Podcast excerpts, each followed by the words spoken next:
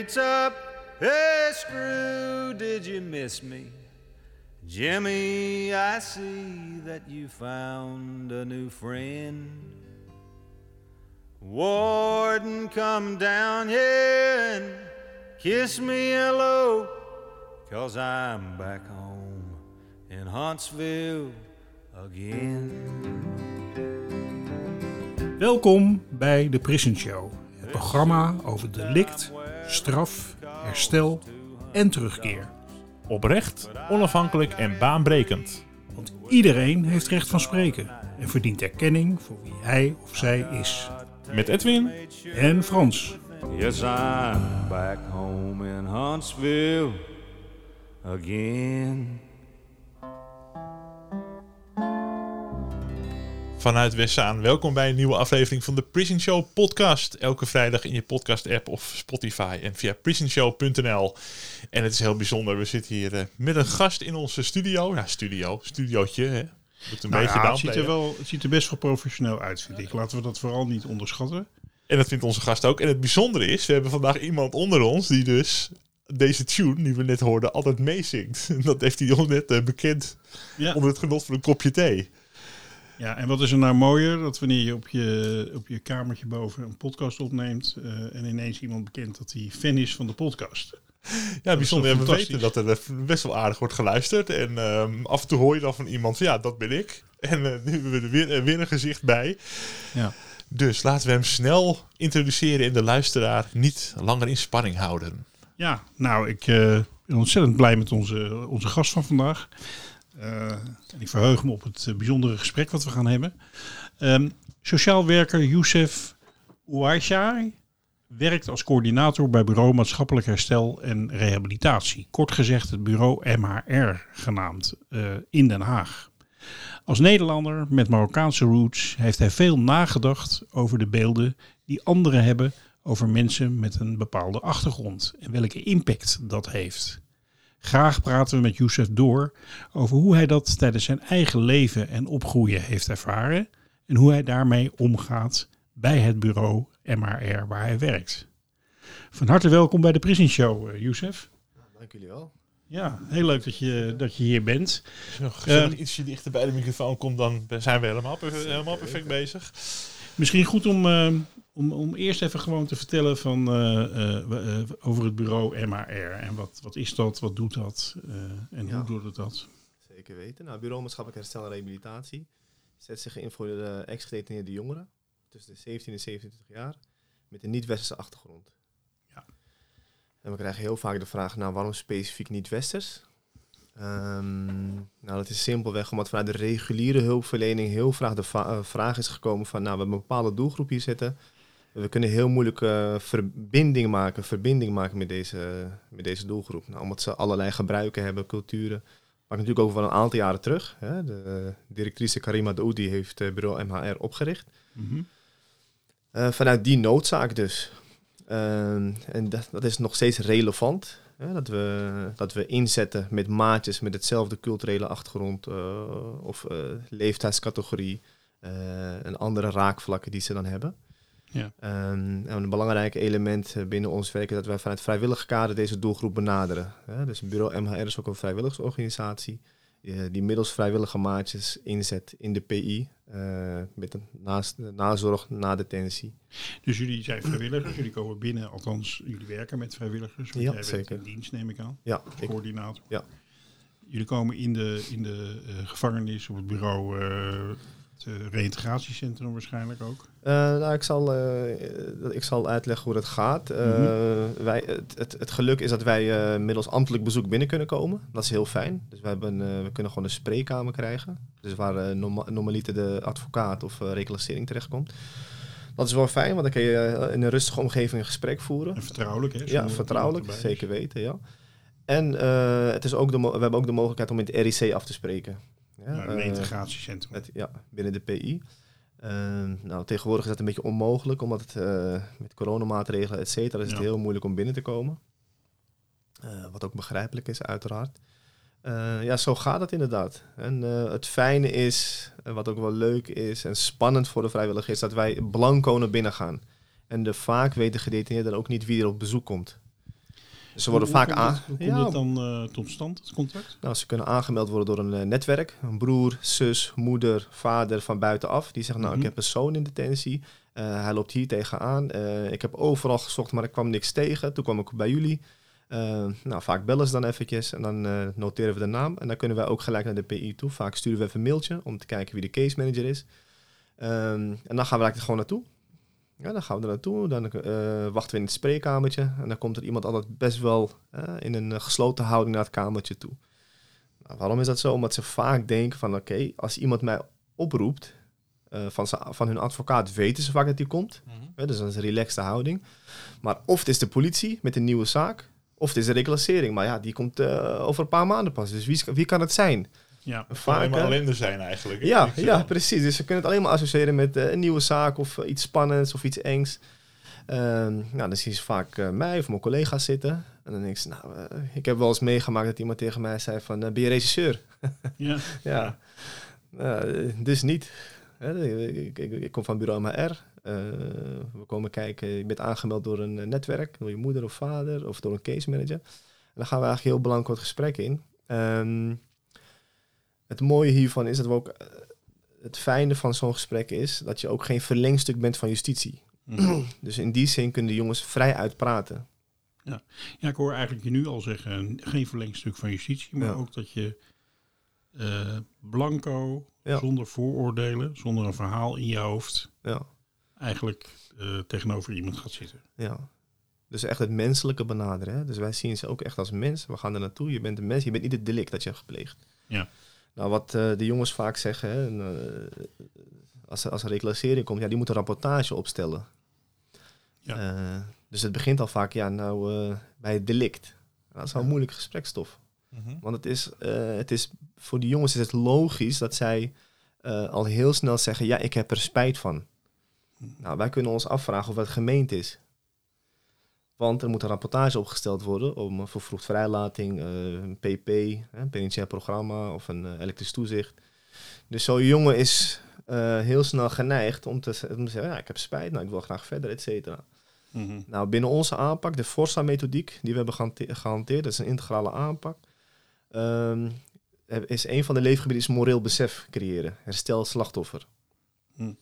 Nou, eh, het komt niet heel vaak tot een gesprek met het slachtoffer, maar wel het moreel besef proberen we wel te triggeren. Dus in hoeverre ben je, eh, ben je je bewust van het delict wat je hebt gepleegd en de schade die je hebt aangericht. Zowel op jezelf als op de maatschappij, als op het slachtoffer, maar ook op het netwerk zelf. Hè. Dus eh, heel veel jongens zeggen ook van ja, ik heb het eigenlijk gedaan, want ik doe het voor mijn moeder. Ik wil mijn moeder goed zetten. Dat zijn vaak de termen die ze gebruiken. Ja. Dan zeg ik, nou, dat, dat snap ik, hè, heel goed. Dan brengen ze thuis geld in. Ja, precies. Nou, dat is in principe een goed, eh, goed motief hè, om iets te Ja. doen voor je, voor, je, voor je moeder of voor je ouders of voor je gezin. Ehm, alleen het feit is, als je in detentie zit, kan je vrij weinig betekenen voor je moeder. Ja. Dus vaak, eh, en vooral als je heel lang zit, dan worden de rollen omgedraaid. En dan Ja. moet je moeder ineens weer voor jou zorgen. En op die manier proberen we wel te kijken van oké, eh, wees je bewust van de daden die, je- die je pleegt. Ja, wat, je, wat je tegenwoordig heel vaak hoort, hè, dat is dat, eh, eh, dat mensen zeggen van ja, ga eerst maar eens eh, spijt betuigen en het goed maken. Ja. Echt laten zien dat je eh, beseft wat je gedaan hebt, welk onrecht je andere mensen hebt aangedaan. Ja. En daarna eh, heb je pas recht op een of andere vorm van hulp of ondersteuning of wat dan ook. De andere gedachte is van ja, heel veel mensen doen dingen vanuit hun eigen pijn. Omdat Ja. hun zelf dingen is over zijn overkomen. ja, precies. En op het moment dat je bij die eigen pijn weggaat, wegblijft, wordt het heel moeilijk om je in de pijn van een ander te verdiepen en ook in de pijn die je zelf veroorzaakt hebt. Dus hoe, hoe ga je daarmee om? Hoe, hoe, hoe benaderen jullie dat? Nou, binnen wat wij belangrijk vinden is, en dat is terecht wat je dat, dat je dat zegt, hè, dus het empathisch vermogen moet ook eh, ontwikkeld worden. Eh, nou, wij doen dat. eh, het mooie is, we beginnen tijdens de, in de laatste fase van hun Mm. straf. Nou doen we elke twee weken op bezoek om, om een vertrouwensband te kweken. Nou, pas als er een solide vertrouwensband is, dan pas ga je moeilijke vragen stellen. Ja. Want we weten allemaal, een, een eerste gesprek is heel oppervlakkig. Ja, wat is jouw doel bij het eerste gesprek? Kennis maken en uitleggen wat we komen doen. En eigenlijk om te bekijken van, heb je hier zin in ja of nee? Wil je werken aan iets? Ja, vaak, hè, dus je hebt natuurlijk ook eh shopgedrag. Hè, dat mensen denken van, ja, kun je huis voor me regelen dan? heb je Ja. natuurlijk ook een heel concrete vraag. Nou, dan moet ik eerlijk zijn, nee, ik heb geen huis voor je. Ik kan niet Nou, wat voor je kom je regelen. dan doen? Precies, ja. Maar ik kan je wel ondersteunen om dat pad te bewandelen tot een woning. Ja. Want je hebt natuurlijk werk nodig. Je hebt een inschrijfadres nodig. Eh, je hebt van allerlei, je hebt een DigiD nodig. Ja. Oh ja, ik, ja, ik heb een zorgverzekering nodig, die moet ook nog betaald worden. En dat zijn wel de, de basiselementen waar het vaak stuk loopt. Hè? Als je kijkt naar het recidive, wanneer, waarom mensen terugvallen. Omdat ze in die eerste paar maanden na detentie eh, geen aansluiting vinden met de maatschappij. Ja. En eh, Die is ook soms ook heel erg veranderd. Als je jaren hebt vastgezeten bijvoorbeeld, dan...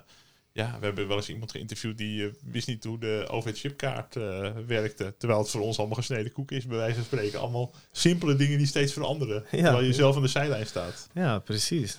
Precies. Ja. Zo'n chipkaart bijvoorbeeld. En eh, als je wordt vrijgelaten, dan krijg je zo'n chipkaart mee of een treinkaartje. Ja. Eh, we weten allemaal dat de PI vaak op een afgelegen plek ligt, waar de bus om het uur komt of, of het half uur. Eh, vaak met een vuilniszakje in de hand. Ja, en een eh, beetje contant geld om een buskaartje te betalen. Maar je kan tegenwoordig geen buskaartje meer kopen in de bus. Precies, ja, Dus precies. Ja, ja, ook nog. Die lopen allemaal van de PI's aan. Stad Ja. hier lopen ze naar het station met dat geld in hun zak. Ja, ja, ja. ja. Ah, ik heb ehm, eh, wat wij natuurlijk ook doen, is die jongens gewoon ophalen als ze vrijkomen. Want wij weten dat het netwerk heel moeilijk is eh, voor hen om die jongens op te halen. Zo vroeg, nou, misschien dat maandag eh, de familie werkt. We kunnen niet ophalen, hoe graag mensen ook willen. Hè? Eh, mensen hebben het moeilijk zat. Hoe lang blijven jullie eh, iemand volgen? Nou, we beginnen drie, eh, drie tot zes maanden in detentie, de laatste fase, tot een jaar na detentie. Maar drie tot zes maanden, dan heb je het echt over lang gestrafte. Nee, de laatste drie maanden van hun straf. Ja, dat ligt eraan. Hè? Dus het kan ook zo zijn dat iemand twee maanden vastzit. Als de aanmelding op tijd is, dan ja. doen we een intensieve aanpak in die laatste twee maanden. Oké. Want we hebben uiteraard ook kort gestraft. Hè? Die groep is ook steeds groter, waar helemaal Die geen grip op is. Die is heel groot inderdaad. En daar is, eh, eh, wij kunnen redelijk snel handelen. Hè? Dus als iemand vandaag belt, kunnen wij deze week al op bezoek. Ja, ja, ja. Eh, Hoeveel vrijwilligers hebben jullie? er lopen nu 50 eh, vrijwilligers rond met in allerlei projecten. Ja, in allerlei projecten. Ja. Ook of diverse regio's ook. Nou, we werken vanuit de gemeente. We werken zelf in Den Haag. Mhm. Uh, maar we werken met jongeren uit Rotterdam, Delft en Den Haag. Oké. Oké. En we, zitten, we hebben ook uh, nauw contact met deze PI's uh, in deze regio's. Al, PI Al van der Rijn, de Schie, Daar Krimpen, zitten de meeste, alhoewel ze ook vaak uh, over het hele land zitten. Hè? Ja, ja, zeker weten. Zeker weten Gaan jullie daar dan ook naartoe? ja, we hebben ook jongens gehad in Roermond, Ja. Veenhuizen, uh, Herugewaard. Uh, dat is niet zo ver vanuit Den Haag. Maar Ja. ja, ja Roermond is, uh, is een stukje hoor. Maar je blijft dus een half jaar tot een jaar volgen. Ja, zeker weten, zeker weten. Ja. Als dat nodig is en er is een concrete hulpvraag geformuleerd eh, in, de, in, die, in die maanden. Want wat je ook vaak ziet, is heel veel jongens die zien helemaal niet dat ze een probleem hebben. Die zeggen, het Ja. komt wel goed als ik vrijkom. Ik heb Ja. al een plan. Ik kan daar terecht en eh, die neef heeft eh, een werkplek voor mij. En het zijn vaak geen concrete afspraken. En ook daarin proberen wij te bemiddelen. Om eh, contact op te nemen met het netwerk. Om te kijken van oké, in hoeverre is het mogelijk dat uw zoon terugkomt bij u, eh, bij u wonen. Ja. Ja, dat kan. Eh, er is een kamertje vrij, maar hij kan niet inschrijven. Oei, dat is het eerste probleem. Nou, waar moet hij dan inschrijven? Ja, nou, hij kan hem bij de da- dakloze opvang. Ja, dat, dat is, zo werkt dat niet. Ja. En dus er is een heel vertekend beeld hoe dingen opgelost kunnen worden. Ja. En ook daarin zetten wij eh, op in. Dus het netwerk goed ondersteunen bij dergelijke vraagstukken. Ja. Want je ziet gewoon dat heel veel moeders in dit geval, of, of ja, ook vaders, die denken van ja, mijn zoon is van hart, harte welkom.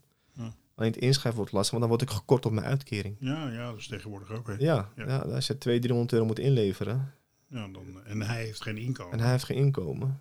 En hij brengt de eerste drie maanden of twee maanden zorgen met zich mee. Want eh, we weten allemaal dat de detentie eh, wat schade kan aanrichten. Hè, detentieschade. Ja. Nou, dat, dat, kan voor een eh, heel zwaar zijn, voor de ander wat minder. Maar ook daar moet aandacht aan besteed worden. Ja. Dus zo iemand kan niet gelijk eh, eh, vi- 40 uur per week werken. Ja. Dus heeft een aanloopje nodig. Ja. En daar moet het netwerk natuurlijk wel eh, gefaciliteerd voor worden. Nou, als je al in de eerste week te horen krijgt van, maar als hij, hij kan inschrijven, maar je wordt gekort. Ja, daar gaat zijn slaaplik. Ja, En tuurlijk. dan kan je opnieuw beginnen. Is wat er gebeurt in het eerste half jaar na detentie, is dat alles beslissend eigenlijk met hoe het verder met iemand gaat? Denk jij? Of hoe, hoe belangrijk is dat eerste half jaar? Nou, wij zien wel dat een, eh, een zachte landing na detentie heel belangrijk is, ja. Dat is wel heel belangrijk. Ehm, het is eh, heel erg belangrijk. Het is eigenlijk wel. ehm, kijk, iedereen die, die komt in de gevangenis natuurlijk om, om andere redenen. Hè? Ik bedoel, eh, Mhm. Als je iemand hebt met een heel ernstige psychiatrische stoornis, dan is de, verloopt de reïntegratie via hele andere paden als wanneer je het hebt over een, eh, ja, een normaal begaafde jongen zonder verdere aandoeningen, die gewoon eh, ja, eigenlijk een beetje ouder moet worden om uit criminaliteit te komen, bij wijze van spreken. Dat is gewoon een heel ander beeld. Maar wat wel bekend is, is dat, en dat kun je ook wel, je hoeft niet heel veel empathie te hebben, denk ik, om te bedenken dat als je gewoon buiten staat met een vuilniszak.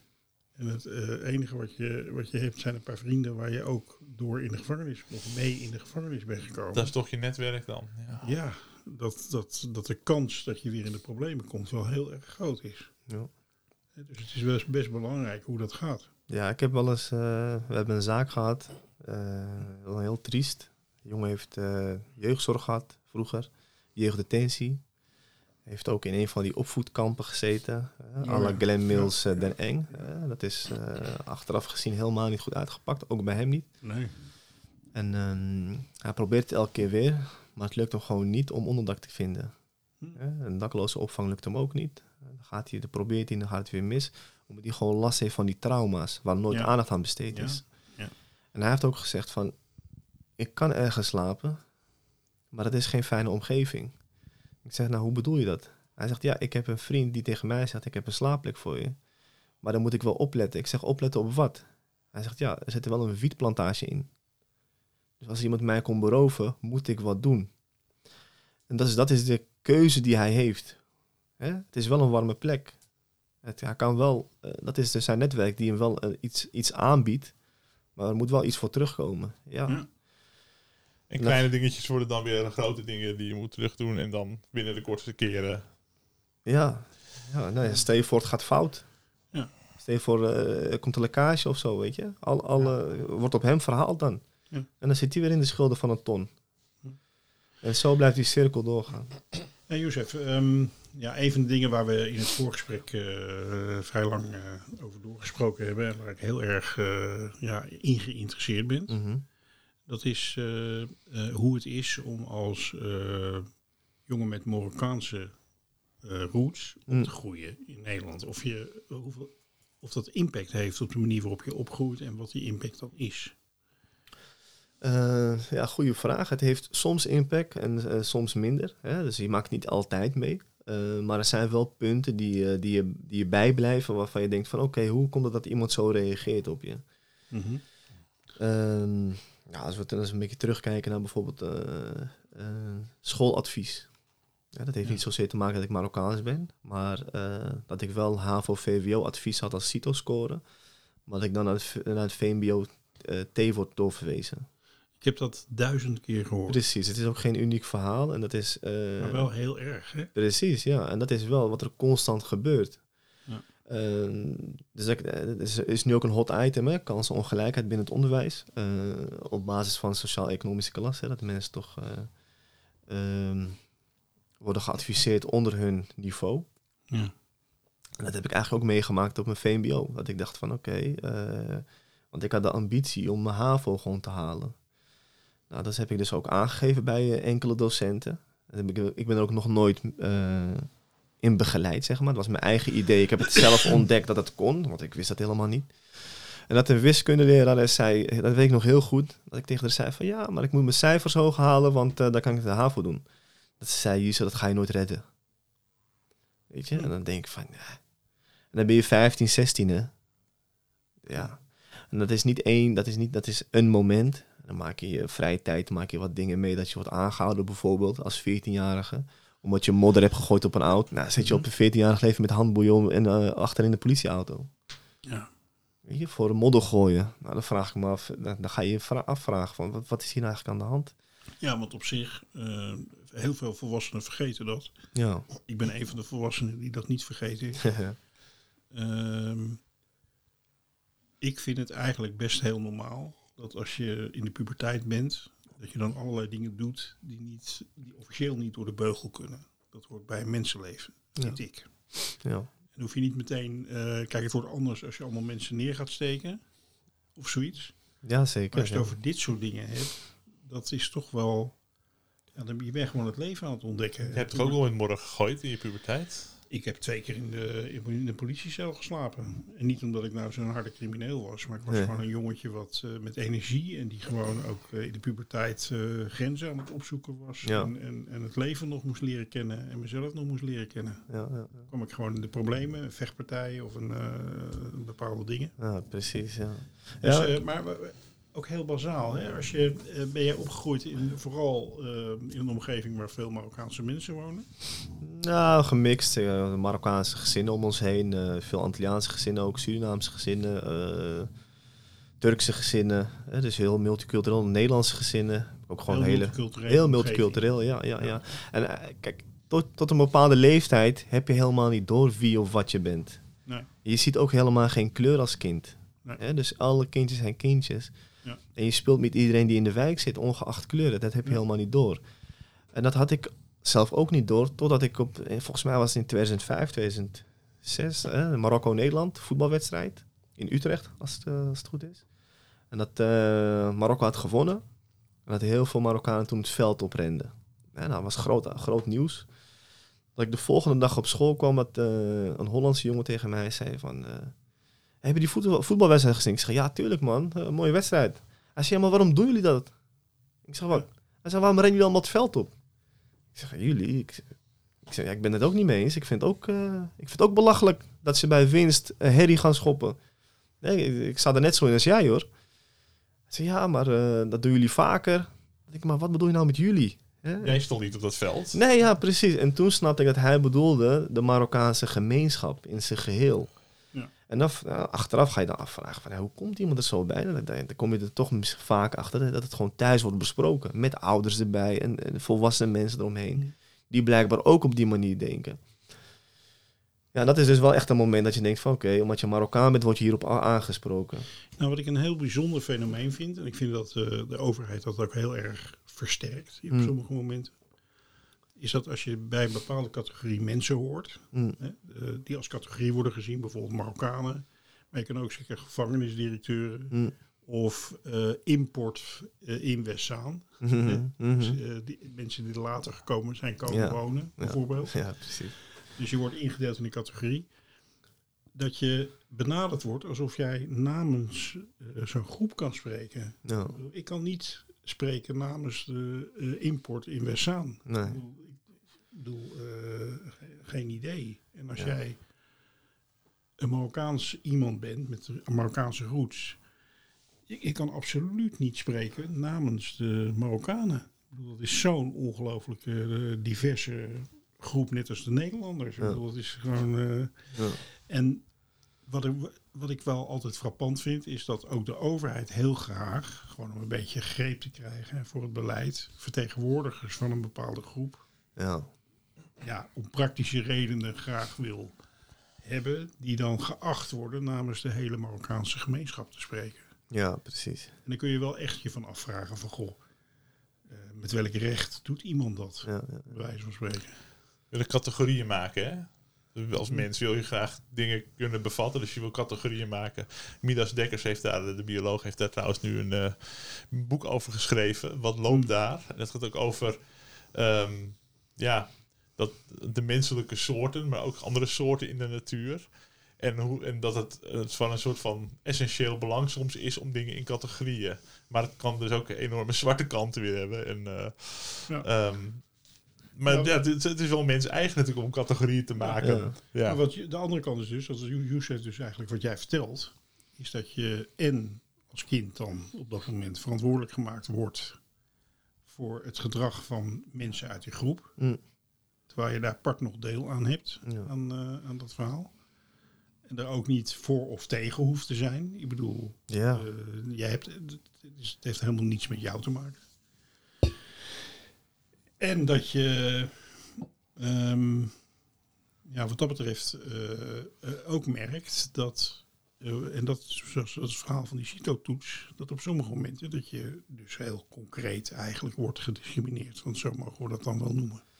Ja, ja. Ik bedoel, als ik een Nederlandse jongen eh, een lager resultaat heeft als jou, dan zeggen die ouders van eh, we moeten het toch maar proberen. Hm. Dan gaat hij misschien wel naar de AVO. Hm. En eh, wat je heel veel hoort inderdaad van eh, Hm. Marokkaanse of Antilliaanse of andere mensen uit bepaalde buurten waar een bepaald beeld over bestaat. Dat, eh, dat ze eigenlijk al meteen in een andere groep Een lage verwachting. Ja, Ja. Nou ja, eh, ja, uit onderzoek is dat ook gebleken. Hè? Maar juist ni- niet op basis van afkomst, maar is op basis eh, van sociaal-economische status dat je hebt. ja. Dus dat is ook wel cultuuroverstijgend. Ehm, maar ja, dat is wel wat, er Ja. aan de, wat er aan de hand is en was. Dat is op zich ook wel interessant. Hè? Dat, dat, het heeft, dat is ook een verwarrende discussie soms. Ja. Ehm, het gaat vaak over sociale economische status, de wijk waar je woont, de armoede, eh, dat soort dingen. Eh, en over ras. Hè? Dat speelt Mhm. ook rond Black Lives Matter. Mhm. Eh, het is wel, het, is, het, het gaat over armoede, maar het is wel toevallig dat er heel veel zwarte mensen in Amerika Ja. arm zijn. Ja, ja, ja, dus het ja. heeft wel, Ja, er zeker. is wel een zeker. correlatie, Ja, ja, zou ik maar te zeggen. Ja, en dat, dat geldt ook voor eh, in dit geval inderdaad. En eh, kijk, voor ons, dat, deze gegevens nemen we ook mee in onze benadering naar die, naar die jongens toe in detentie. Ja. We zijn gewoon oprecht nieuwsgierig naar hoe heeft je leven eruit gezien. Welke, op welke momenten in je leven had je iemand nodig? Hè? Of is er iets ge- voorgekomen waardoor je bepaalde handelingen in de toekomst verricht? Ja. Eh, dus in die zin is dat wel is dat belangrijke informatie. Nou ja, dan heb je vaak in één gezin ook, maar ook gewoon vrienden van elkaar. Die eigenlijk eh, eh, bijna exact dezelfde manier opgroeien. Ja. En de een die, eh, die maakt de keuze om het op te lossen, om het zo maar te zeggen, Mhm. door geld, status, aanzien, eh, merkkleding, dat soort dingen. En Mhm. Die maakt de keuze om in de, de criminaliteit eh, dingen te gaan doen, Ja. op jonge leeftijd. En de ander doet dat niet. Ja. Ehm, herken je dat, dat dat, dat, dat gebeurt? Heb je dat gezien? ja, zeker weten. Dat, eh, dat zie ik eh, dagelijks om me heen. Hè? Natuurlijk dat mensen bepaalde keuzes maken. En uh, soortgelijke situaties iemand een andere keuze maakt. Hoe, wat, heb je een idee wat voor dingen daar een rol bij spelen bij het maken van zo'n keus?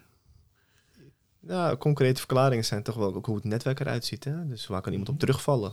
Hè, Dus als jij eh, bijvoorbeeld oudere broers en zussen hebben die wel hebben gestudeerd, die de weg kennen binnen het onderwijssysteem, dat die stap dan makkelijker wordt gemaakt. Hè?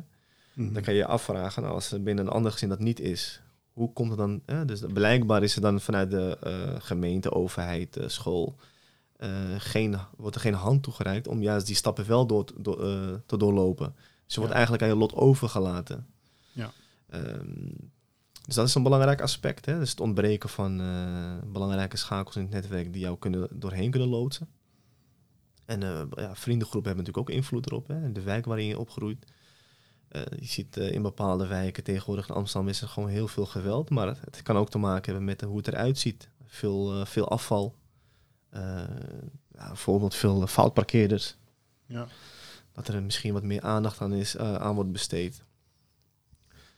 Ja, wat nog meer? Eh,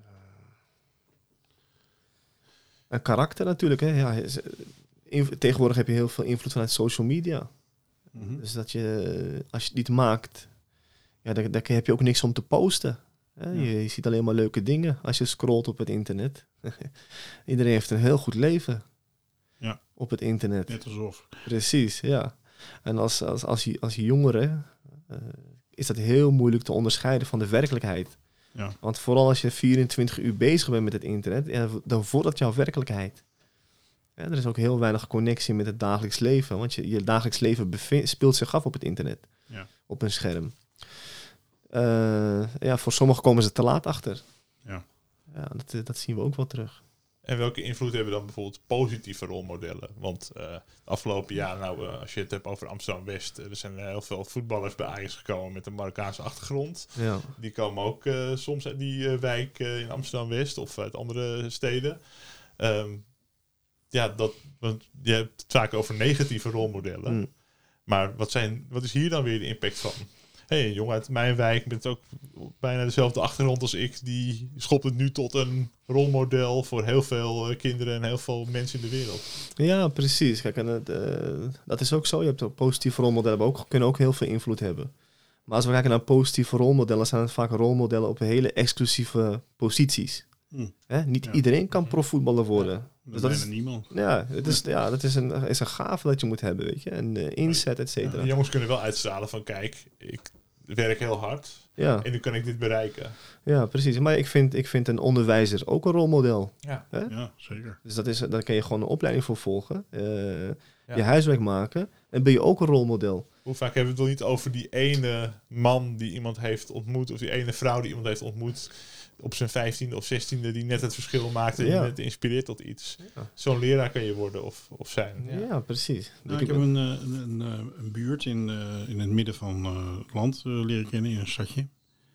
Eh, waar eigenlijk, je hebt zeg maar daar de, de Marokkaanse buurt en de eh Molukse buurt naast elkaar. Hè? Dus dat is daar redelijk gesegregeerd. Eh, wat mij opviel in die, in die Marokkaanse buurt, die kon er eigenlijk heel graag, is iedereen kent iedereen. Hè? Dus iedereen is een neef van die Mhm. en een vriend van die en ga zo maar door. En ik vind dat er, dat daar ook, ook warmte is en ook zorg voor elkaar. En dan niet alleen om voetballer te worden. Ja, als iemand goed kan voetballen, dan probeert ieder- Ja. iedereen probeert zo'n jongetje te stimuleren. Zeker weten. Maar ook als, eh, eh, als een jongetje gewoon zijn huiswerk maakt, Ja. dan zegt, zijn ook de ooms en de neven en de tantes die zeggen van joh, eh, je goed bezig man. Weet je wel? Dat, dus, dus er is wel echt zorg voor elkaar. Ja. Ehm, wat ik dan heel jammer vind, is dat eh, die, die competentie waar wij als Nederlanders eigenlijk best wel veel van zouden kunnen leren van zo'n gemeenschap, eh, dat dat ook gebruikt wordt door, eh, door negatieve krachten, hè? Door, door drugscriminelen en Hmm. dergelijke, die eigenlijk ja, iets wat van nature positief is, Hmm. namelijk dat je, dat, je met, dat je voor elkaar opkomt en dat er Ja. een bepaalde samenhang is en een bepaalde loyaliteit. Dat die eigenlijk gebruikt wordt om een paar mensen rijk te maken en kinderen met, eh met Hmm. scootertjes eh, de weg op te sturen, bij wijze van spreken. Ja, ja, ja. Ja. Ja, en daar kun je ook eh, wat van zeggen natuurlijk. Hè? Dat de weerbaarheid op, op, dat, op, op dat, zulke gebieden dan toch wat minder is. Hè? Of als, als gemeenschap, om daar een nee tegen te zeggen. Maar heeft er, is er ook een samenhang met de manier waarop wij daar als samenleving mee omgaan? Dat er dat soort eh, situaties ontstaan. Je hoort nu bijvoorbeeld heel veel mensen zeggen, na de moord op Peter R. de Vries, Ja, hè, eh, de minister roept dat we vooral heel veel hele strenge gevangenissen moeten gaan bouwen. Ja. En dat we advocaten niet meer moeten vertrouwen en ja dat soort dingen. Ja. Maar ehm, er zijn ook heel veel wat, eh, wat mij betreft, wat verstandiger mensen. Die zeggen van, ja, je zou ook iets moeten doen aan de positie van die jongetjes. Die Ja. op een gegeven moment, het zijn hele gewone jongetjes die Ja. gewoon losraken van de samenleving. Die voor Ja. zichzelf het idee hebben van, het wordt nood wat met mij, eigenlijk. ja, precies. En die krijgen een pistool in hun handen gefrommeld door een Mhm. of andere grote crimineel. En die doen pief, poef, paf. Ja, kijk, als je naar de basis... Dat, dat, dat klopt. Ehm, als je kijkt naar de uitsluiting. Ja. Ja, uiteindelijk zijn we als samenleving verantwoordelijk voor, voor, voor eh, al onze naasten. Precies. Ja. Dus als je die verantwoordelijkheid dan niet meer neemt, dan sluit je iemand buiten. Ja. En dan kan je afvragen, is het de schuld van de ander die hem opneemt in de groep? Of is het onze fout dat we hem eh, buitensluiten van de groep? En dat is wel ehm, wat wij als samenleving een beetje missen. Hè? Die verantwoordelijkheid voor de ander. En dat zie je natuurlijk ook met de mensen die dat zeggen. Ja, maar, maar dan, dan vraag ik altijd, ja, wat heb jij daarvoor gedaan dan om iemand terug te halen dan? Ja. Ja, Ja. niet? Ja, eh, misschien een berichtje onder een nieuwsbericht op Facebook. Ja. Ja, dus eh, die bewustzijn dat jij iets voor een ander kan betekenen met minimale inzet, dat ontbreekt nog bij heel veel mensen. Het is vaak wijze praten erover, maar wat doe je er zelf aan? Ja. En dat is ook heel makkelijk, ook in, eh, in een stukje criminaliteit, in een wijk bijvoorbeeld. Je hebt altijd wel een groepje of een pleintje waar jongens hangen. Ja. Nou, we weten het allemaal, eh, sommige mensen stappen erop af, heel veel mensen lopen eromheen. Ja. Nou, als je met die jongens zou praten, dan zouden ze, nou, vaak is het over, overlappend verhaal. Hè, van, eh, ja, ze zijn bang voor ons, ze praten niet met ons, eh, we krijgen weinig kansen, et cetera. Nou, als je in, zo'n wijk gaat kijken, hoeveel werkgelegenheid is daar in zo'n wijk? Nou, er is altijd wel een bakker, er is altijd wel een supermarkt. In hoeverre zijn die gericht of open die deuren voor die jongens in hun eigen wijk? Om juist die verbinding te, eh, te maken, om juist die uitsluiting tegen te gaan. En dat zie je minimaal als je bijvoorbeeld een, een, een, groot eh, winkelcentrum binnenloopt. Ja, en die, die jongens komen met een groepje binnen. Ja, die jongens worden in de gaten gehouden. Dus dat wordt een spel. Ja, precies. Hè? Dus, eh, dus ik zou altijd wel terugkijken van, oké, waar, waar hebben we het over? Hebben we uitsluiting? Wat doe jij eraan? Wat kunnen we als samenleving ervoor doen? Want we zijn uiteindelijk verantwoordelijk ervoor. Ja. En eh, dat zie je natuurlijk ook met die gewelddadige schietincidenten. Het komt heel dichtbij als ineens een kogel eh, door het raam gaat. Ja, dan is het schrikken. Dat is wel waar we in, eh, in, in leven momenteel. Ja, aan de ene kant eh, zijn er heel veel mensen verontwaardigd over dat eh, Peter Vries is eh, vermoord. Aan de andere kant zitten er ook veel mensen tussen die ook kook gebruiken. eh, en daarmee de, de, de ma- maffia financieren die dit heeft gedaan. Dus ja, dat is ook eigen verantwoordelijkheid. En we zijn allemaal verbonden en maken allemaal onderdeel uit van dat systeem. Dus Hm. hoeveel boter heb je zelf op je hoofd, eh, bijvoorbeeld? Ja. Ja, kijk, en dat, is- dat is ook zo. Je moet gewoon een open houding hanteren. Hè? Als mens moet je gewoon openstaan voor, voor andermans gedachten. Dus het klopt, heel veel mensen denken in hokjes, heel veel mensen hebben vooroordelen. Maar het is altijd de, de truc om er niet naar te handelen. Loop je daar veel tegenaan als eh, in je werk bij je Ja, ik, ja, zeker. Ja, ik ben er vaak tegen, te- tegenaan gelopen. Ik kan een voorbeeld geven dat ik eh, voor de corona vaak in de PI was. Hè? Dus ook in het RIC, op de afdelingen, et cetera. Eh, nou, je weet hoe het gaat. Als je, als je de andere afdeling op wil, moet je eerst een belletje drukken voordat de portier de deur open doet. Hè? Mhm. Dus er moet altijd gebeld worden voordat überhaupt een eh, deur open gaat naar een andere afdeling. Eh, nou, dat werkte. Nou, dan bel je aan, gaat die open. Nou, toen wilde ik de deuren open, want ik wilde eruit. Ik was klaar met mijn werk. En dan, dan heb je één deur die gaat naar de uitgang. Nou, die bel ik ook aan en die gaat niet open. Dan draai je om. Nou, op elke vleugel heb je in het midden een eh, post hè, met bewaarders die de deur voor Ja. je openmaken. En dan tikken ze even aan en dan zeggen dat je even terug moet lopen. Dan denk ik van oké, nou, dan loop je terug. Dan waar gaat u heen meneer? Ik zei, ik ga naar huis. Oh, hoe bedoel je? Zij zien mij dus als gedetineerde. Ja. En dat is natuurlijk wel eh, even een harde klap. Hè? Ja. Dat je denkt, van, ik, ben, ik loop hier al eh, twee uur rond. Ik heb op allerlei belletjes gedrukt. Nu loop, nu loop ik naar buiten en dan, wordt, dan moet ik eh, me verantwoorden. Ja. En dat is helaas niet één keer gebeurd. Dat gebeurt meerdere malen. Eh, en dat kan ik ook wel begrijpen. Hè? Dat, dat is eh, helemaal niet dat ik er boos word, om word of dergelijke. Maar ook daarin, de, de bejegening is heel erg... Je bent gedetineerde. Hè? Dus het, hij heeft mij al geplakt in een, situ- in een, in een positie. Ja. Hij heeft geen open houding. Dus de vraag was gelijk, waar ga je heen? Je gaat de verkeerde kant op. En niet, nou meneer, wie bent u? Eh, ik heb u niet gezien. Ja. En dat, is, die, die, dat, dat verschil ontbreekt heel erg. De toon die het verschil Ja. maakt, ja. Nou ja, wat je, wat je dan voelt is dat je etnisch geprofileerd wordt, zeg maar. Ja, zeker Dat is weten. wat Ja. er gebeurt. Ja, ja, ja. Ik ben benieuwd of ze Word het je- bij mij ook je- zouden vragen. Word je af en toe aangehouden, wel eens? Ook? En de laatste jaren niet meer. Nee, voor. Voorheen wel, hè, toen ik wat jonger was, 18, 19 jaar, pizza-courier. Dan word je Ja. heel vaak aangehouden, ja. En dan denk ik dat je de- een drugsdealer bent. Ja. Ook dat is heel vaak gebeurd. Eh, en dat, ja, en dat heb je dan op dat moment ook niet door. Hè. Je denkt misschien, oh ja, misschien reed ik wel te hard. En dan ga je het invullen. Ja. Oh ja, nou, dat kan wel. Iedereen rijdt wel eens 60 in plaats van 50. Ja. Ehm, ja, wat ik wel eh, over het beeldvorming dus. Mhm. Eh, ik heb een keer eh, een casus, een Somalische jongen uit Engeland. Die, is, die is uitgezet uit Engeland. Hij is hier geboren. Nou, dan gaan ze vaak naar Engeland. Eh, dan komt hij daar terecht in gangs en wijken. Nou, dat is allemaal niet goed gekomen. Veel criminaliteit. Is het land uitgezet. Nou, dan komen ze in de PI in Nederland. Nou, eh, die is ook aangemeld via een case manager. Nou, Somalische jongen, eh, spreekt geen Nederlands, Engels. Eh, heeft nog wel een familielid hier woont in Nederland. Die komt binnenkort vrij. Nou, die keer langs geweest, gesprekken gevoerd. Nou, een leuke jongen. Hij zag wel dat hij heel erg bezig nog was. in de Nederlandse periode dat hij nog bezig was van... oké, ik moet mijn groep zien te vinden. Dat Mhm. ganglife van Engeland, dat is het gewelddadige. zat er nog wel in. Nou, twee maanden later zei ik, weet je wat, als je vrijkomt, ik haal je op. Hij zegt, eh, ben je serieus? Ik zeg, ja, het is gewoon wat wij kunnen doen. Wij kunnen je ophalen, breng jou netjes naar je moeder toe. Eh, onderweg halen we nog even een eh, cadeautje voor je moeder en dan zeg gewoon dat jij het hebt gekocht.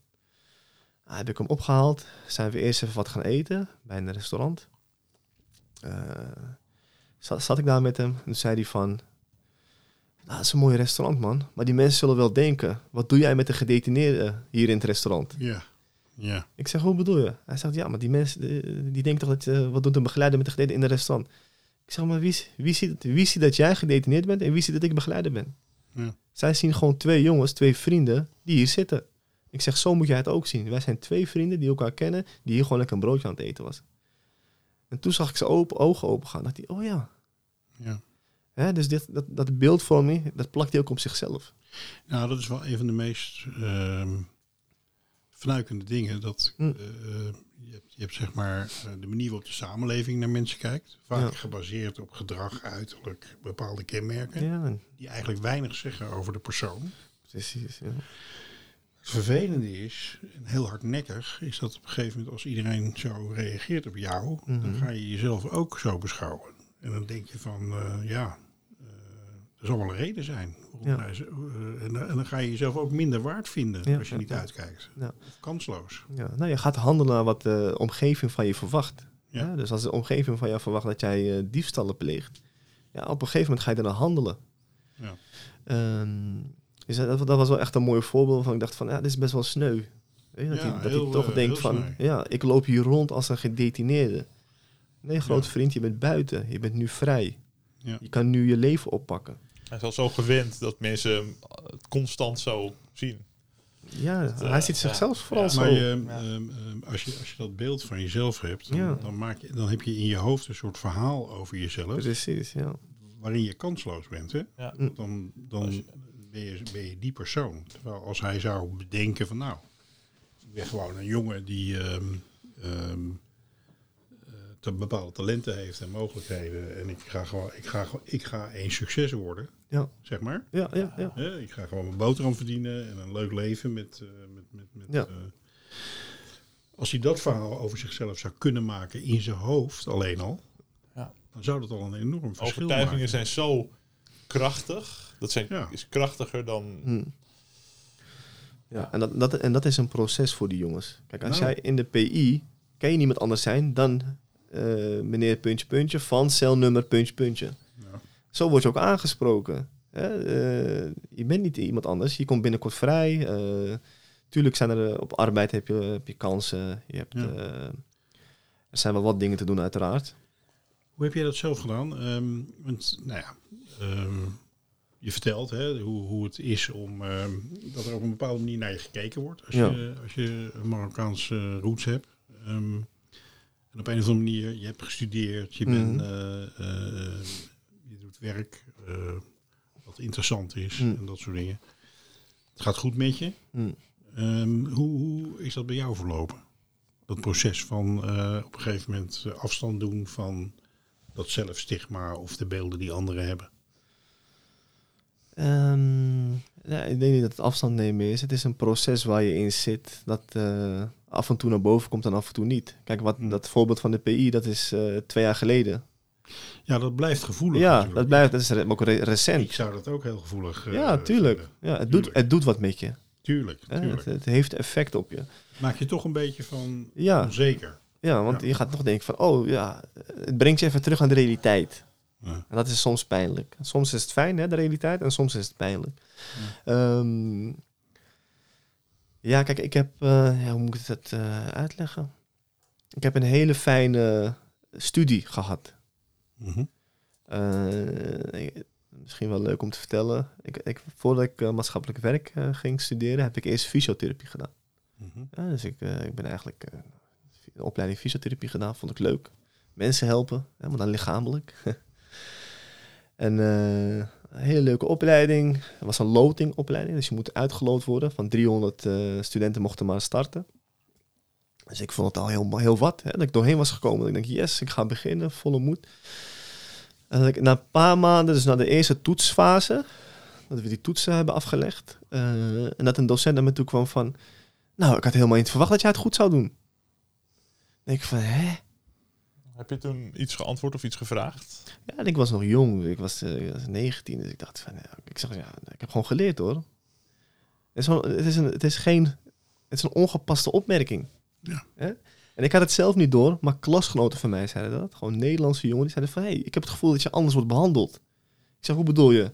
Hij zei, ja, het, het voelt alsof ze de pik op je hebben. Ik zeg, ja, ik, ik had het zelf niet door. Moet je nagaan. Hmm. En dat is misschien ook wel iets wat ik constant heb. Hè? Dat ik gewoon doorga. Ik heb een doel voor ogen en daar ga ik voor. Ehm, en soms heb je obstakels. Soms heb je mensen die dat niet fijn vinden. Maar ik heb een doel voor ogen en daar ga ik voor. Ja. En eh, dat is eigenlijk wel constant. Hè? Dat is ook met mijn werk. Ja, ik denk dat dat een, eh, een mooie eigenschap is. Ik vind het ook knap, hè, dat je ehm, eh, je eigen ding blijft doen. Hè? En bij de ander laat wat van de ander is. Hè? Zo'n Ja. vooroordeel bij zo'n leraar, wat natuurlijk heel pijnlijk is, Ja, zeker. eh, dat is zijn probleem. Wijze van. Zeker weten, ja. Eh, het heeft niks met jou te maken. Nee. Nee. En als, als, als je die overtuiging bij jezelf hebt, dan kun je dat ook laten. Letterlijk wat je zegt bij jezelf eigenlijk. Ja, Ja, dat dat is is ook zo. symbolisch, ja. Ja, ja, ja. Ja, dat is, ehm, ja, dat is helaas al wat we zien. En eh, ja, ook eh, de jongens in de PI, die hebben dat ook. Die zeggen ja, die komen vaak naar buiten en zeggen ze ja, maar ze gaan me toch niet aannemen. Hm, ja. Ja, dan sluit je voor jezelf wel heel wat deuren. Ja, dan maak je je eigen verhaal en dat wordt Ja, self-fulfilling prophecy. ja, ik krijg geen kans.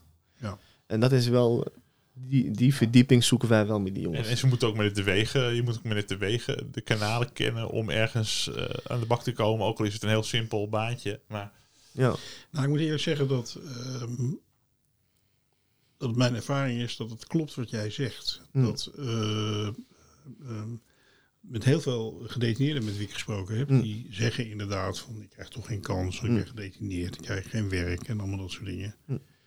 Ik zou je vertellen, alle gedetineerden die er zelf een ander verhaal van maken in Ja. hun hoofd, die zeggen van nou, ik bedoel, linksom of rechtsom, maar ik ga gewoon, eh, ik maak Ja. gewoon de keuze om, eh, om dat wel te bereiken. Ja, die, die lukt het. Want die hebben gewoon, op het moment dat je dat, dat zelfstigma niet meer hebt, Hm. dan eh, gaan, gaan er toch een heleboel deuren open. ja.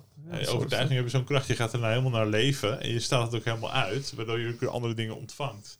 Maar Ja. je kan niet tegen iemand zeggen: straal even iets anders uit. Of heb even een andere overtuiging. Nee, nee. Dat moet iemand zelf toch eh, op een of andere manier krijgen. Ja, daar moet Ja. iemand begeleid worden. Ja. Eh, daar moet iemand Ja. echt structureel aanwezig bij zijn. En niet, niet elke week een ander. Eh, en dat is, iemand moet het, eh, die moeilijke gesprekken aangaan, die fijne gesprekken. Iemand moet, eh, moet een jongere ervaren in de positieve, eh, positieve momenten, maar ook in negatieve momenten. Ja. Want dat is, dat is ook een onderdeel. Eh, als je bijvoorbeeld kijkt naar... eh, we richten ons op niet-westers. Nou, eh, je Marokkaanse jongeren, Turkse jongeren, eh, Surinaams, Antilliaans. Dat zijn de vier grootste groepen die in, eh, binnen detentie. Ehm, alle vier komen met andere gebruiken, normen, waarden, eh, culturele elementen, eh et cetera. En als je bijvoorbeeld kijkt naar conflict, conflict hanteren of conflictgedrag en het oplossen daarvan, dan gaat het in elke cultuur anders. Ja. En dat is ook waar je aandacht aan moet besteden. Dus dat, dat cultureel sensitieve werken is ook een belangrijk onderdeel. En dat hoeft helemaal niet dat je rekening mee houdt, maar dat je bewust bent van: oké, eh, hier moet ik rekening mee houden in de zin van: ik moet het begrijpen en zien en erkennen, maar ook terug kunnen geven. Ja. En dat teruggeven is heel erg belangrijk. Hè? Op, een, op een positieve manier en eh, een spiegel en- voorhouden. En wat ik ook wel ehm, ervaren heb, is dat, het- dat je het ook. ehm, een andere cultuur, dat is, een, een, een, dat is rijkdom, dat is een bijdrage. Dat is iets waar je van kan leren. Ja. Iets wat de wereld mooier maakt. Ik zal nooit vergeten dat de eerste mensen uit andere culturen binnenkwamen in het Nederlandse gevangeniswezen, Ja. 40 jaar geleden. Ja, ja, ja. En ehm, wij vonden bijvoorbeeld dat, dat mensen eh, uit andere culturen vaak hun eigen verantwoordelijkheid niet namen. ja. Want de schuldvraag, als een Turkse jongen bijvoorbeeld iemand het leven had gebracht, Mhm, eerwraak of weet ik veel wat. mhm. Als je hem daar persoonlijk verantwoordelijk voor maakt, zei van, wat, eh, je moet mij hebben zeker, want hoe- hoezo persoonlijk verantwoordelijk? Die, Ja. Want die handelde veel meer vanuit de community en Ja. vanuit de normen en waarden die hij in de gemeenschap eigenlijk volgde. Hij deed eigenlijk datgene wat logisch was binnen zijn context. Net zo goed als de eh, Molukse treinkapers. Hm. Eh, daar kijken we als Nederlanders. eh, het was ook erg wat er gebeurde natuurlijk. Ja, uiteraard. Maar-. Binnen de context van het onrecht wat hun familie was aangedaan en de rol die je daar als zoon in moet hebben, Mm. was het best wel heel goed te begrijpen dat ze dat gingen doen. Ja, ja, ja. Ehm, wij vonden dat eh, binnen, binnen de overheid en binnen de justitie vonden we dat een soort bijna lagere levensvorm. Hè? Dat zijn Mm. mensen, dat zijn dat werd geassocieerd met stammen en met Ja, gemeenschappen die Ja, van een lagere orde waren in ieder geval als de individualistische westerse samenleving. ja, ja, ja. ja. Pas later, dat geldt ook voor mij hoor, Mhm. eh, dat ik later pas ben gaan snappen dat, eh, dat dat helemaal niet het geval was. Maar dat er gewoon. ehm, ehm, dat wij daar eigenlijk als Nederlandse samenleving enorm veel van zouden kunnen leren. Mm. Hè, dus dat, dat het inderdaad zo is dat je, ik nu een individu veel minder eh, definieer als, als een volkomen autonome, zelfkiezende, eh, eigenstandige figuur. Maar iemand veel meer zie als ehm, een, een, een lid van de community. Ja. Hè? Als onderdeel van de, van de gemeenschap die we hebben. Mm. Dat, is, dat is ook onze identiteit voor een heel belangrijk deel. Ja. Ehm, we zijn niet allemaal kleine eilandjes naast elkaar, bij wijze van spreken. Nee. We zijn een gemeenschap. Ja. En, ehm, Ja, nee, in die zin bepaalt context ook vaak het gedrag hè, van een persoon. Of kan je het herleiden, inderdaad. Nou, de verrijkingen in mijn leven zijn al gekomen do- doordat ik heel intensief met andere culturen in aanraking ben gekomen. Ik, ben, ik heb bijvoorbeeld een keer een half jaar in Suriname gewoond in 2007. Mm. En dan heb je bepaalde dingen die je overneemt. Dat je zegt, ja, dat is, dat is, zo, dat is heel fijn om, om over te nemen. En mijn schoonfamilie, dat zijn allemaal Grieken. Weet je wel, en dan neem je ook weer hele fijne dingen van over Ja. op den duur. En niet, ja, dat heb je niet met iemand die je vaag kent of waar je weinig contact mee hebt. Dat is juist als, dat, als je daar echt intensief in mee in contact komt. Of ik had wel eens eh, vrienden op school, eh, dat waren Turkse jongens, weet je wel. En, ja, dan, dan maak je echt contact en dan zie je, hé, hey, maar dat aspect van die cultuur, Mm. of, of hoe zij het doen, dat vind ik ja, veel gastvrijer of opener, of, of, e- of, Ja. of dingen met eten of zo. Of ja, veel meer bijvoorbeeld opener. Of ja, dat, dat heeft mijn leven wel verrijkt. Dus zo kun je het ook maatschappelijk zien dat die elementen ook weer kunnen verrijken. Ja. ja, uitsluiten en discrimineren is, is eigenlijk een manier om jezelf heel veel te ontzeggen, Ja. te onthouden. Ja. Waar je beter van zou kunnen worden. Wij Ja. weten dat, wij weten dat. Nu, Ja, nu de hele wij- wereld nog. Wij weten dat. En Ja. ik denk dat je, nou, ik, vind het, ik vind dat je heel erg goed werk doet. ja, nou bedankt. Wat je daarover vertelt. En ik denk dat, eh, dat er nog heel veel moet gebeuren. ja, zeker, zeker. Eh, want wat, wat we met elkaar dus ook heel duidelijk gedeeld hebben, is dat het niet alleen. Het gaat niet over moeilijke mensen die eh, een probleem hebben. Nee, het gaat ook over een. Het is ook een probleem van ons allemaal. Ja. En we hebben allemaal ook onze aandeel en verantwoordelijkheid in wat er gebeurt. Ja. Ja. We gaan een nieuw jaar in, hè, straks, 2022. Dus ik blik ook een beetje naar de toekomst. Heb, heb jij wensen binnen jouw werk of wat jij wil bereiken met je werk? Wat zou jouw grootste wens zijn? Mijn grootste wens. eh, nou, we, we doen al heel veel. We doen uh, superveel. Maar mijn grootste wens is echt wel eh, dat wij eh, veel meer kunnen betekenen voor het netwerk van de gedetineerden. Hm. We zien steeds meer vragen vanuit het netwerk. Die eh, ons benaderen. Die zeggen van nou mijn zoon is gedetineerd. Maar ik krijg helemaal nul informatie eh, hoe het gaat. Eh, en dat is wel, en ook van de week nog een Turkse moeder op bezoek. Spreekt de taal niet. Haar zoon zit vast voor een ernstig delict. Dan praat je over 10, 20 jaar detentie. Is voor haar de eerste keer. Ja, ze, weet, ze krijgt nul informatie. Wat moet ze verwachten? Wat kan ze verwachten? En ze ziet gewoon als er iemand vanuit haar eigen taal eh, het kan uitleggen, dat er al heel veel rust ontstaat. En dat ze ook op die manier met een rustige eh, houding kan communiceren met haar eigen zoon in de Ja. PI. Ja. En dat is wel een wens voor komend jaar. Dat we steeds meer mensen ehm, een fijn gevoel kunnen geven, ondanks de nare situatie waarin mensen zitten. Er is al veel stress en als je dan ook niet eens weet waar je aan toe bent als eh, achterblijver. Ja, Dan, eh, Maar ik ben heel blij met je opmerking hoor. Want dit is, dit is echt, echt inderdaad. eh, ik, ik kan me daar zo bij aansluiten. Ja. Dat, eh, de familie is eh, ja, ook als het gaat om reïntegratie en ook als het gaat om het beperken van de schade tijdens Mhm. detentie, eigenlijk de belangrijkste partij. Daar kan geen reclassering of wat dan ook tegenop. Die worden volledig erbuiten gehouden. En dat is, eh, ja, dat is afschuwelijk. En Ja. dat geldt al voor Nederlandse eh, eh, mensen, zeg maar. Ja, Die zeker. kunnen ook helemaal niets. Nee, een man in de, met Nee. een partner in de gevangenis of een zoon in de gevangenis. Ja, Maar dat geldt natuurlijk zeker voor zo'n vrouw. ja. Ja. Ja. ja sterker nog, met dat...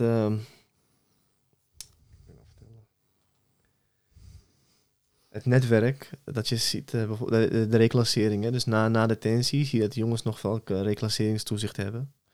En dat je heel vaak ziet, nou, bijna altijd, dat die jongens alleen naar zo'n afspraak gaan.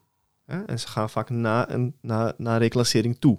Ja, Ja, daar komen ze in een, eh, verga- of een, een, een spreekkamer terecht. Een half uurtje, één keer in de twee weken. Hoe gaat het? Ja, gaat goed. dit. Die ouders of het netwerk weet vaak niet eens wat de reclassering doet. Wie het zijn, waar zo'n gebouw staat überhaupt. En dat is natuurlijk wel, eh, die leefwereld van die jongeren is heel anders dan de leefwereld van, die, van, van het netwerk. Die wordt minimaal meegenomen. En andersom ook, hè. Reclassering komt langs op het huisadres wat wordt opgegeven Hm. voor een PP-traject. Ja. En dan wordt alleen gekeken of er, geen, eh, of er ruimte is om eh, dat iemand kan slapen. En volgens mij noemen we het antecedentonderzoek bij de politie. Hè? ja, Of het een veilig adres is. Ja. Er wordt geen hand toegereikt aan de ouders of aan het netwerk van nou, uw zoon komt binnenkort, heeft u vragen, waar moeten we rekening mee houden? Het is puur controle. En daarna is het, eh, dat is het enige contact wat het netwerk heeft met de reclassering. Terwijl een reclassering heel groot, eh, een belangrijk component is in die eh reïntegratie in nazorgtraject. Ja. En dat is ook wel iets wat wij, eh, wat de jongens zelf aangeven, dat ze heel lastig vinden. Er is geen, eh, geen informatie. Ja, niemand heeft eh, daar een opleiding voor gevolgd om eh, achterblijver te zijn voor iemand die weer thuis komt. Nee, precies. Er is ook geen eh, boekje achterblijvers voor Nee. dat is echt een heel belangrijk onderwerp. Ja. Daar Ja. moet de komende jaar, twee jaar, moet daar echt heel veel in gaan Ja, gebeuren. ja, ja, ja. Ja. En wij gaan er ook flink op inzetten komend jaar. Ja. Heel goed. Ja. Goed om jouw verhalen zeker. te horen uit de praktijk. Maar als wat eh, jij Stichting tegenkomt. Herstellen Terugkeer is natuurlijk ten alle tijden eh, wat Zeker. we kunnen doen Ja. met ons netwerk of wat dan ook. Precies. Nou, we, zullen on- graag mee. we zullen ook wel ongetwijfeld tegenkomen. Eh, het eerste contact is er. Ja, Dus, ik hoop eh, het. ja Ik hoop zeker het. weten. Ja. Ja. Ja, ja, Zeker. Dankjewel. Nou, jullie ook bedankt. Heel erg bedankt. Yes. Yes, I'm back home in Huntsville again.